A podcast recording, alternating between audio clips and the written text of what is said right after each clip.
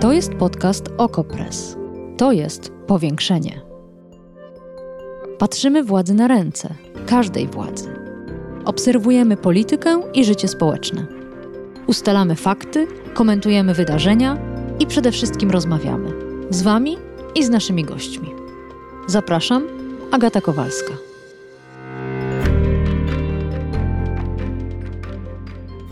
Wczoraj wieczorem linie lotnicze Ryanair opublikowały zdumiewający komunikat. Proszę posłuchać. Załoga lotu Ryanair z Aten do Wilna została poinformowana przez białoruską kontrolę lotów o podejrzeniu zagrożenia na pokładzie. Zalecono jej lądowanie na najbliższym lotnisku w Mińsku. Lot numer FR 4978 wylądował bezpiecznie i pasażerowie opuścili samolot na czas kontroli na pokładzie, dokonywanej przez lokalne służby. Nic nie znaleziono i samolot mógł odlecieć z pasażerami i załogą po około 7 godzinach spędzonych na lotnisku w Mińsku. Samolot lądował bezpiecznie w stolicy Litwy, Wilnie, w niedzielę o godzinie 21.25 czasu lokalnego. Ryanair poinformował o zdarzeniu odpowiednie agencje lotnicze i serdecznie przeprasza wszystkich poszkodowanych pasażerów za te godne pożałowania opóźnienie, na które Ryanair nie miał wpływu. Koniec komunikatu. Zdumiewające wydarzenie. Jeszcze bardziej zdumiewające jest to, czego firma Ryanair nie zamieściła w komunikacie. O tym w powiększeniu.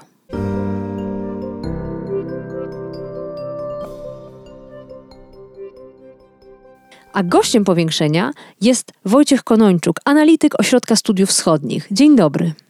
Dzień dobry. Co się naprawdę wydarzyło? Dlaczego samolot lądował w Mińsku? Dzisiaj wiemy już całkiem dużo, co się wydarzyło na, na pokładzie tego rejsu. Mianowicie, e, kiedy tylko samolot wszedł w przestrzeń powietrzną e, białoruską, Doszło do awantury na pokładzie, która została wywołana przez prawdopodobnie agenta białoruskich służb specjalnych e, KGB, bo tak się te służby do dzisiaj nazywają. E, celem było zmuszenie pilota do mm, lądowania, wymuszonego lądowania na lotnisku w Mińsku. To się prawdopodobnie nie udało. Tuż przed opuszczeniem samolot kontynuował podróż. Tuż przed opuszczeniem przestrzeni powietrznej e, białoruskiej, stało dosłownie dwie minuty, E, samolot został de facto zmuszony do tego, aby zawrócić w stronę lotniska w Mińsku, mimo tego, że do lotniska w Wilnie pozostawało około 80 km, do Mińska około 200, e, został zmuszony do, e, do lądowania przez myśliwce białoruskie. E, oczywiście propaganda białoruska twierdziła, że było zagrożenie e, wybuchu rzekomego ładunku wybuchowego na pokładzie. E, prawdopodobnie jest to po prostu pretekst. Celem było zmuszenie pilota do, do lądowania po to, aby aresztować znajdującego się na pokładzie Ramana Partasiewicza, który jest przez reżim postrzegany jako jeden z głównych wrogów reżimu Łukaszenki. Tutaj jeśli jeszcze mogę, krótki komentarz do tego wczorajszego, no, rzeczywiście zadziwiającego komunikatu E, linii Ryanair, który jest faktograficznie kompletnie dziurawy, który nie, nie wziął pod uwagę tego, że w, w, na lotnisku w Mińsku nie tylko Roman Protasiewicz został wy, wysadzony, e, ale też jego, jego partnerka, ale także trzech obywateli Rosji. Tutaj prawdopodobnie byli to, e, tak możemy przypuszczać, e, agenci, agenci rosyjskich służb specjalnych, bo mamy wiele przesłanek, które każą nam sądzić, że to była wspólna operacja białorusko-rosyjska. No i też ten agent białoruskich służb również wysiadł oczywiście w, w Mińsku. Tego wszystkiego nie przeczytamy w komunikacie Ryanaira. Nie przeczytamy również, że pilot został zmuszony do, do posadzenia samolotu w Mińsku, mimo tego, że jak już mówiłem, do, do lotniska w Wilnie E, do celowego portu lotniczego powstawało 15 minut e, lotu. Dzisiejsze wprawdzie oświadczenie szefa Ryanairu jest już e, bardziej nazywającego rzeczy po imieniu. On tam mówi wręcz o, o porwaniu wymuszonym przez władze białoruskie, porwaniu samolotu. Więc mo można oczywiście zadać pytanie, skąd taka, a nie inna forma wczorajszego oświadczenia Ryanairu. Mm -hmm. Ja się obawiam, że oni, oni się starają um, uważać na ewentualne um, pozwy, które być może do nich trafią ze strony um, albo samego Protasiewicza, albo jego bliskich. Wydaje się, że Białoruś zadała sobie strasznie dużo trudu, żeby zatrzymać jednego dziennikarza, blogera i jego partnerkę. Za co oni go tak bardzo nienawidzą? No właśnie, to jest, to jest bardzo dobre pytanie, bo to jest tak naprawdę istota wczorajszych wydarzeń. Trzeba pamiętać, że Roman Protasiewicz bardzo młody człowiek, 26-letni, który dostał azyl polityczny w naszym kraju w 20 roku. Jest współtwórcą sukcesu kanału telegramowego Niechta albo Nexta w obu wersjach. Jest to jedno z najważniejszych niezależnych źródeł informacji, takie swoiste medium, komunikator w Telegramie, prawda, sieci społecznościowej, która w Polsce jest może mało popularna, jest bardzo popularna na Białorusi i w innych krajach Europy Wschodniej. Więc kanał, kanał Nexta jest jednym z głównych wrogów w sferze medialnej reżimu Łukaszenki. Reżim Łukaszenki nie bez racji postrzega Nexta jako E, jedne, jedne z tych mediów, które de facto e, sprawiły, że, że po 9 sierpnia, kiedy reżim sfałszował wybory prezydenckie, doszło do masowych demonstracji, wielotygodniowych, wielomiesięcznych masowych demonstracji. I tutaj e, musimy wrócić do tej sytuacji sprzed kilku miesięcy i powiedzieć, że kontekst ówczesny był taki.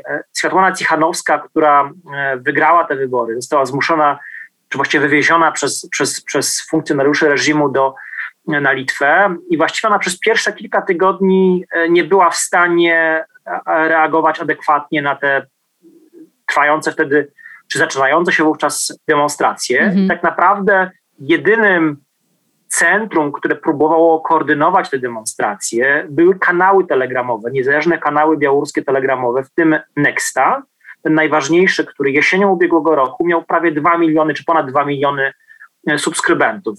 Z tego dwie trzecie to byli odbiorcy na Białorusi. No więc możemy sobie wyobrazić niezależne, antyreżimowe medium, którego władze nie są w stanie zablokować, które dociera do smartfonów, komputerów istotnej części białoruskiego społeczeństwa i które tak naprawdę próbowało te demonstracje, protesty antyłukaszenkowskie koordynować, organizować wręcz. Więc reżim postrzega od tego czasu e, Nextę i samego Romana Protasiewicza, który obok Stepana Puciły, innego e, młodego Białorusina, e, stworzył czy rozwinął to, to, to medium, jako, jako jedynego z najważniejszych swoich wrogów. Myślę też swoista zemsta ze strony mhm. samego reżimu Łukaszenki, który od kilku miesięcy, kiedy została wszczęta sprawa karna przeciwko Protasiewiczowi, któremu, któremu grozi, grozi co najmniej kilkanaście lat więzienia, wysyłał sygnały, że białoruscy opozycjoniści nie mogą czuć się bezpieczni za granicą i że reżim będzie próbował ich dopaść. No, to się de facto stało wczoraj. Ja zerkam w tym momencie na kanał Nexty, czy też Niechta i cały czas pojawiają się tam informacje. Rozumiem, że zatrzymanie Protasiewicza nie zlikwiduje tego kanału, ale na pewno jest takim ostrzeżeniem dla wszystkich pozostałych, którzy tworzą ten kanał. Tak, ten kanał działa. Zresztą sam, sam Protasiewicz od pewnego czasu już w Nexcie nie pracuje. On, on przyszedł do innego, jednego z najważniejszych białoruskich kanałów internetowych, który się nazywa Biała Mowa. Mhm. Mimo tego, że on otrzymał azyl polityczny w naszym kraju, to e, kilka miesięcy temu przeprowadził się do Wilna i tam właśnie z Wilna jest robiony ten kolejny e, kanał telegramowy. Next oczywiście działa e, na czele ze Stepanem Puciło. Oni nadają, zresztą z ulicy Wiejskiej w Warszawie, e, taka, taka dziwna zbieżność e, okoliczności. Więc e, reżim ma ten problem, że Telegram jest właściwie niemożliwy do zablokowania.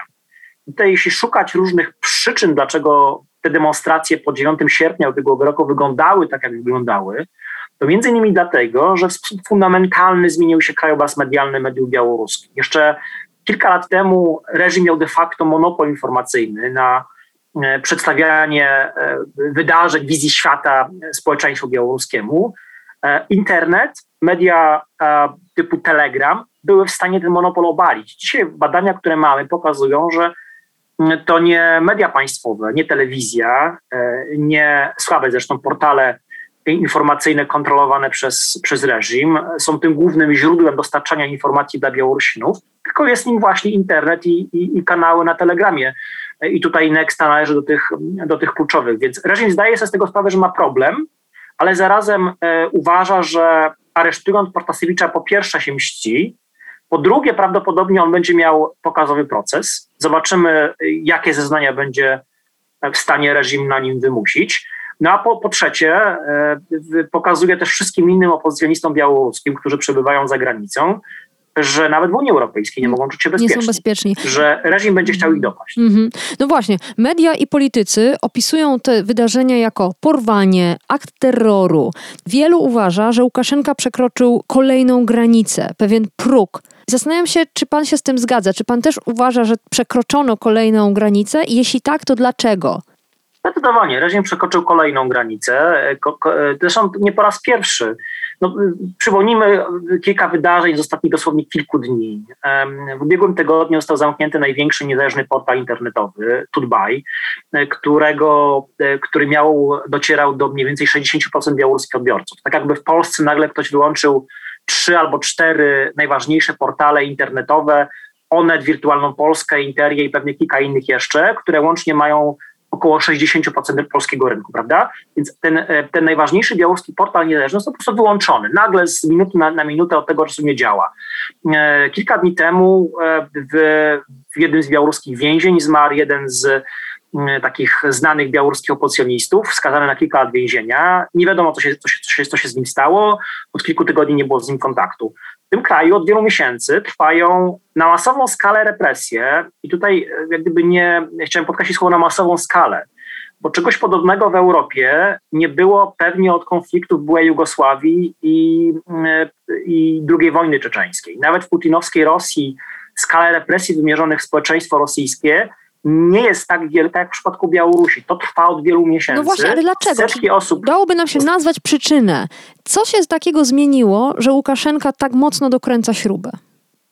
On jest zainteresowany utrzymaniem władzy i tutaj bym szukał e, mhm. motyw, mo, motywu jego działania, jego, jego reżimu. On, jest, on, on uważa, że udało mu się wprawdzie utrzymać władzę, natomiast bez takiego maksymalnego dokręcenia śruby na każdym możliwym froncie, prawda, od represji za zupełne błahostki, skazywania ludzi na długoletnie wyroki więzienia, zamykania dziennikarzy, mordowania opozycjonistów, e, zatrzymywaniu, zmuszaniu samolotów obcych do lądowania na terytorium białoruskim, e, zamykaniu mediów i tak dalej, że on jest w stanie w ten sposób społeczeństwo zastraszyć, co, co pomoże mu utrzymać władzę. Trzeba pamiętać, że to jest człowiek, który rządzi tym krajem od 27 lat i on jest y, ogarniętym manią utrzymania tej władzy za wszelką cenę. Koszty się nie liczą. E, koszty, jeśli chodzi o represje wobec Białorusinów, koszty, jeśli chodzi o relacje z Zachodem, państwami sąsiednimi. Liczy się tylko jedno i tym jednym jest utrzymanie władzy. Mm.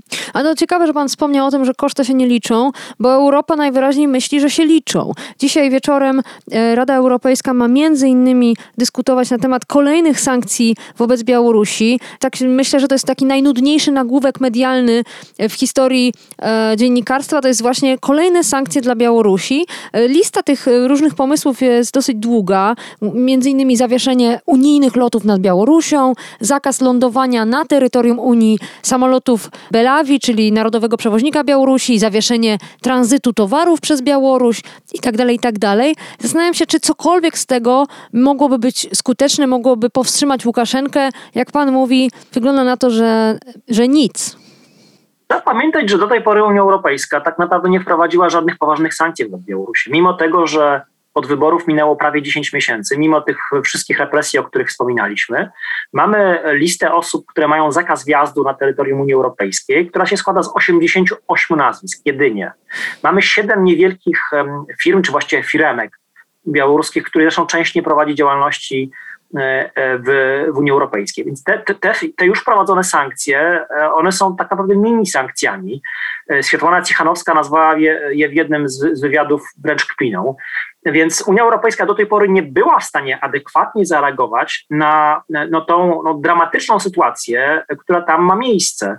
No, trzeba pamiętać, że mówimy o kraju, który graniczy z trzema państwami unijnymi, który jest y, dwie godziny jazdy autem od, od, od Warszawy, gdzie mają miejsce rzeczy zupełnie niesłychane. Tak. Unii Europejskiej niestety, obawiam się, przynajmniej do wczoraj, nie było zgody na to, aby dalej idące sankcje, także sankcje gospodarcze, do których wzywa zresztą ogromna większość białoruskiej opozycji. Od kilku miesięcy oni apelują do państw unijnych o to, aby wreszcie były w stanie wymierzyć reżimowi e, taką karę, na jaką zasługuje. Więc Unia Europejska co, ma. Co by zabolało Łukaszenkę tak naprawdę? E, może trzeba zacząć od tego, że reżim boi się sankcji gospodarczych. O ile sankcje wizowe, one mają znaczenie symboliczne. Natomiast uderzenie gospodarcze to jest to, czego reżim się obawia. Czyli przerwanie widzimy... handlu z Białorusią na przykład? Tak, myślę, że przerwanie handlu to może byłaby zbyt daleko idąca, e, e, zbyt daleko idący środek, jeśli prawda, no nie całego handlu. Natomiast e, e, uderzenie w kilka białoruskich państwowych firm, które są ważnym dostarczycielem podatków e, dla, dla budżetu białoruskiego, mm, ewentualnie zagrożenie uderzeniem w tranzyt białoruski, który przecież Unia Europejska jest ważnym e, partnerem handlowym Białorusi dzisiaj, czy też wszczęcie pewnych spraw w sądach międzynarodowych.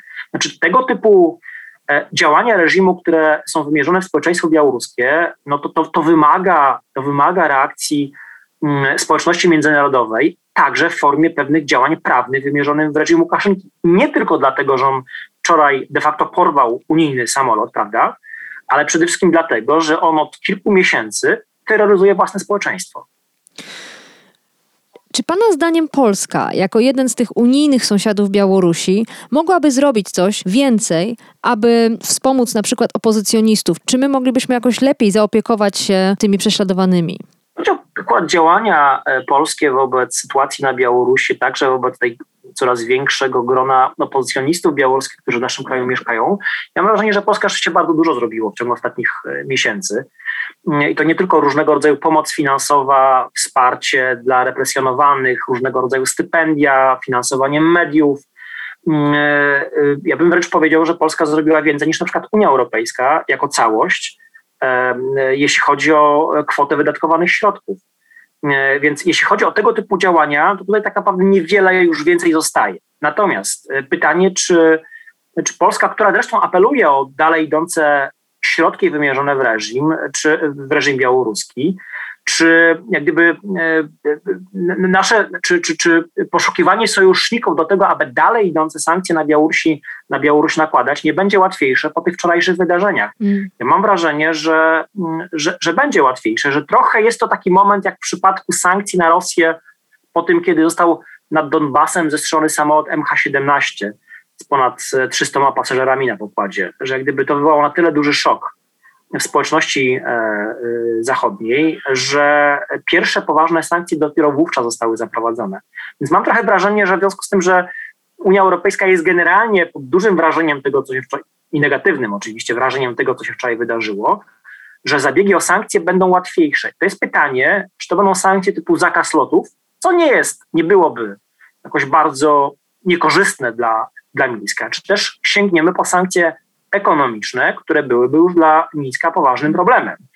E, tutaj bym podkreślił, że trochę też wiarygodność Unii Europejskiej jest, e, e, jest stawką, dlatego że mamy, jak już mówiłem, regularne apele ze strony opozycji i społeczeństwa obywatelskiego białoruskich o to, aby Unia Europejska wreszcie podjęła dalej idące działania. Do tej pory Unia jak gdyby nie, nie dała się poznać jako ten partner, który jest zainteresowany, aby spróbować wpłynąć na sytuację na Białorusi. No miejmy nadzieję, że teraz to się zmieni. Tak. Deutsche Welle cytuje jednego z szefów firm niemieckich, które handlują z Białorusią. Niemcy ponoć są czwartym partnerem handlowym Białorusi i ów, y, i ów prezes mówi biznes to biznes.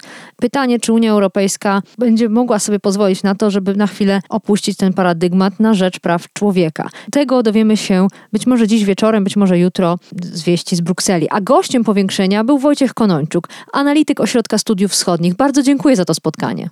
Dziękuję również. Powiększenie. Podcast Okopres. Prowadzenie Agata Kowalska. Podcast znajdziesz na stronie Okopres i w Twojej ulubionej aplikacji do podcastów. Redakcja Okopres działa od 2016 roku. Jesteśmy obywatelskim narzędziem kontroli władzy, obecnej i każdej następnej. Okopres utrzymuje się z Waszych darowizn. Wesprzyj nas, byśmy mogli działać dalej.